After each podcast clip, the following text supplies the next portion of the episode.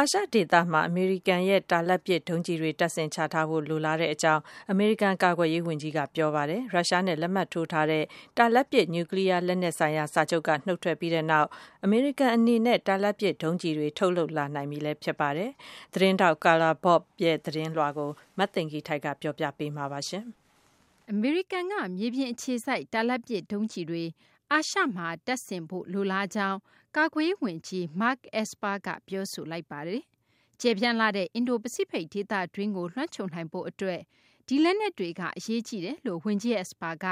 ကာကွယ်ရေး ဝန်ကြီးဌာန အကြီးအကဲ အဖြစ်နဲ့ ပထမဆုံး နိုင်ငံတကာ ခရီးစဉ် အတွင်း သတင်းထောက်တွေကို ပြောဆိုသွားတာပါ။ရုရှားနဲ့ ဆယ်စုနှစ်နဲ့ချီ သဘောတူထားခဲ့တဲ့ တာလတ်ပစ် နျူးကလီးယား လက်နက်ဆိုင်ရာ စာချုပ်ကြောင့် အမေရိကန်တို့ အနေနဲ့ ကီလိုမီတာ ၅၀၀ ကနေ ၅၅၀၀ ကြား မြေပြင်အခြေစိုက် ဒုံးကျည်တွေ အရင်က မထုတ်နိုင်ခဲ့ပါဘူး။ဒါပေမယ့် ဒီစာချုပ်ကို ရုရှားဘက်က နှစ်နဲ့ချီ ချိုးဖောက်နေတယ်လို့ အမေရိကန်ဘက်က ထောက်ပြပြီး စာချုပ်ကနေ နုတ်ထွက်ခဲ့တာပါ။အမေရိကန်ရဲ့ အကျိုးစီးပွားအတွက် ဆောင်ရွက်ဖို့ စာချုပ် အကန့်အသတ်မရှိတဲ့ အခုအချိန်ကအချိန်ကောင်းပါ။ NATO မဟာမိတ်တွေဘက်ကလည်း ဒီကိစ္စမှာ အမြင်တူပါတယ်လို့ ဝန်ကြီး Esper က ပြောပါတယ်။လက်နက်တွေ အဆင်သင့် မဖြစ်ခင်မှာ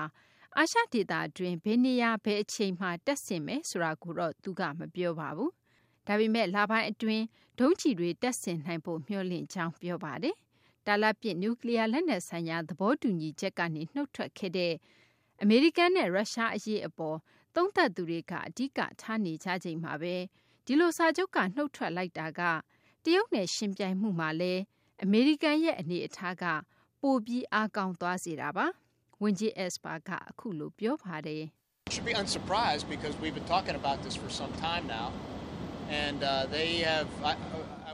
တရုတ်ရဲ့လက်နက်တိုက်ထဲကဒုံးကျည်တွေရဲ့၈၀ရာခိုင်နှုန်းဟာကီလိုမီတာ၅၀၀ကနေ၅၅၀၀ကြားပစ်ခတ်နိုင်တဲ့ဒုံးကျည်တွေဖြစ်ပါတယ်။ဒါကြောင့်လည်းကျနော်တို့ကဒီလိုစွမ်းရည်မျိုးရှိဖို့လိုလားတယ်ဆိုတဲ့ကိစ္စဟာတရုတ်အတွက်အထူးအဆန်းတော့မဟုတ်ပါဘူး။"အမေရိကန်ကာကွယ်ရေးဝန်ကြီးဌာနရဲ့အမျိုးသားကာကွယ်ရေးမဟာဗျူဟာအရအမေရိကန်စစ်ဌာနချုပ်မှာ တရုတ်အရေးက ထိပ်တန်းဦးစားပေးကိစ္စ ဖြစ်ပါတယ်။တရုတ်နဲ့ အမေရိကန်ကြား ကုန်သွယ်ရေး အငြင်းပွားမှုကလည်း လနဲ့ချီ ကြာမြင့်လာပြီး သမ္မတ Donald Trump က တရုတ်ကုန်ပစ္စည်းတွေအပေါ် စက်တင်ဘာလ ၁ ရက်နေ့ကစလို့ နောက်ထပ် အခွန်တိုးကောက်မယ်လို့ ကြာသပတေးနေ့က ကြေညာခဲ့ပါတယ်။ American Progress Center က ကာကွယ်ရေးမူဝါဒဆိုင်ရာ ကျွမ်းကျင်သူ Rudy deLeon ကတော့ အခုအချိန်မှာ တရုတ်က အဓိကဆွေးနွေးစရာဖြစ်နေပြီးဒါကယှဉ်ပြိုင်မှုပါရန်သူမဟုတ်ပါဘူးလို့ဗွီအိုအေကိုပြောပါတယ်။တရုတ်နဲ့မပြေမလည်ဖြစ်နေမှုအတွင်းဉာဏ်ရည်တုနဲ့ဆင်ဆာနည်းပညာတွေတင်ပို့မှုမှာအဖျက်အမှောင့်တွေကိုကာကွယ်နိုင်ရေးအတွက်အမေရိကန်ဘက်ကစွမ်းရည်ပြည့်ဖို့လိုအပ်နေတယ်လို့ဒီမိုကရေစီကာကွယ်ရေးဖောင်ဒေးရှင်းကစစ်တပ်နဲ့နိုင်ငံရေးအာဏာဆိုင်ရာဌာနအကြီးတန်းညွှန်ကြားရေးမှူး Bradley Bowman ကပြောပါတယ်။ ဝန်ကြီး Esper ရဲ့ ပြည်ပ ခရီးစဉ်ကို သောကြာနေ့မှာ စတင်ခဲ့ပြီး ဟာဝိုင်အီက အမေရိကန် အင်ဒို ပစိဖိတ် ကွပ်ကဲရေးဌာနကို ဝင်ရောက်ပြီး ကွပ်ကဲရေးဌာန အကြီးအကဲ ရေတပ် ဗိုလ်ချုပ်ကြီး Philip Davidson နဲ့လည်း တွေ့ဆုံခဲ့ပါတယ်။စနေနေ့မှာတော့ သြစတြေးလျ နိုင်ငံကို ဆိုက်ရောက်ခဲ့ပြီး တနင်္ဂနွေနေ့မှာတော့ အမေရိကန် နိုင်ငံခြားရေး ဝန်ကြီး Mike Pompeo နဲ့ အတူ သြစတြေးလျ နိုင်ငံခြားရေး ဝန်ကြီး၊ကာကွယ်ရေး ဝန်ကြီးတို့နဲ့ ဆွေးနွေးကြမှာပါ။ ကာကွယ်ရေးဝန်ကြီး Esper က နယူးဇီလန်၊ဂျပန်၊မွန်ဂိုးလီးယားနဲ့ တောင်ကိုရီးယားတို့ကိုလည်း သွားရောက်မှာ ဖြစ်ပါတယ်။အာရှပစိဖိတ်ဒေသဟာ ဦးစားပေးစစ်နယ် ဖြစ်တယ်လို့ အမေရိကန် ကာကွယ်ရေး တာဝန်ရှိသူတွေက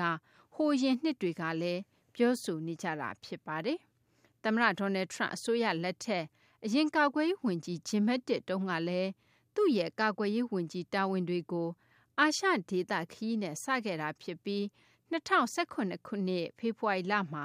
ဂျပန်နဲ့ တောင်ကိုရီးယားကို သွားရောက်ခဲ့တာ ဖြစ်ပါတယ်။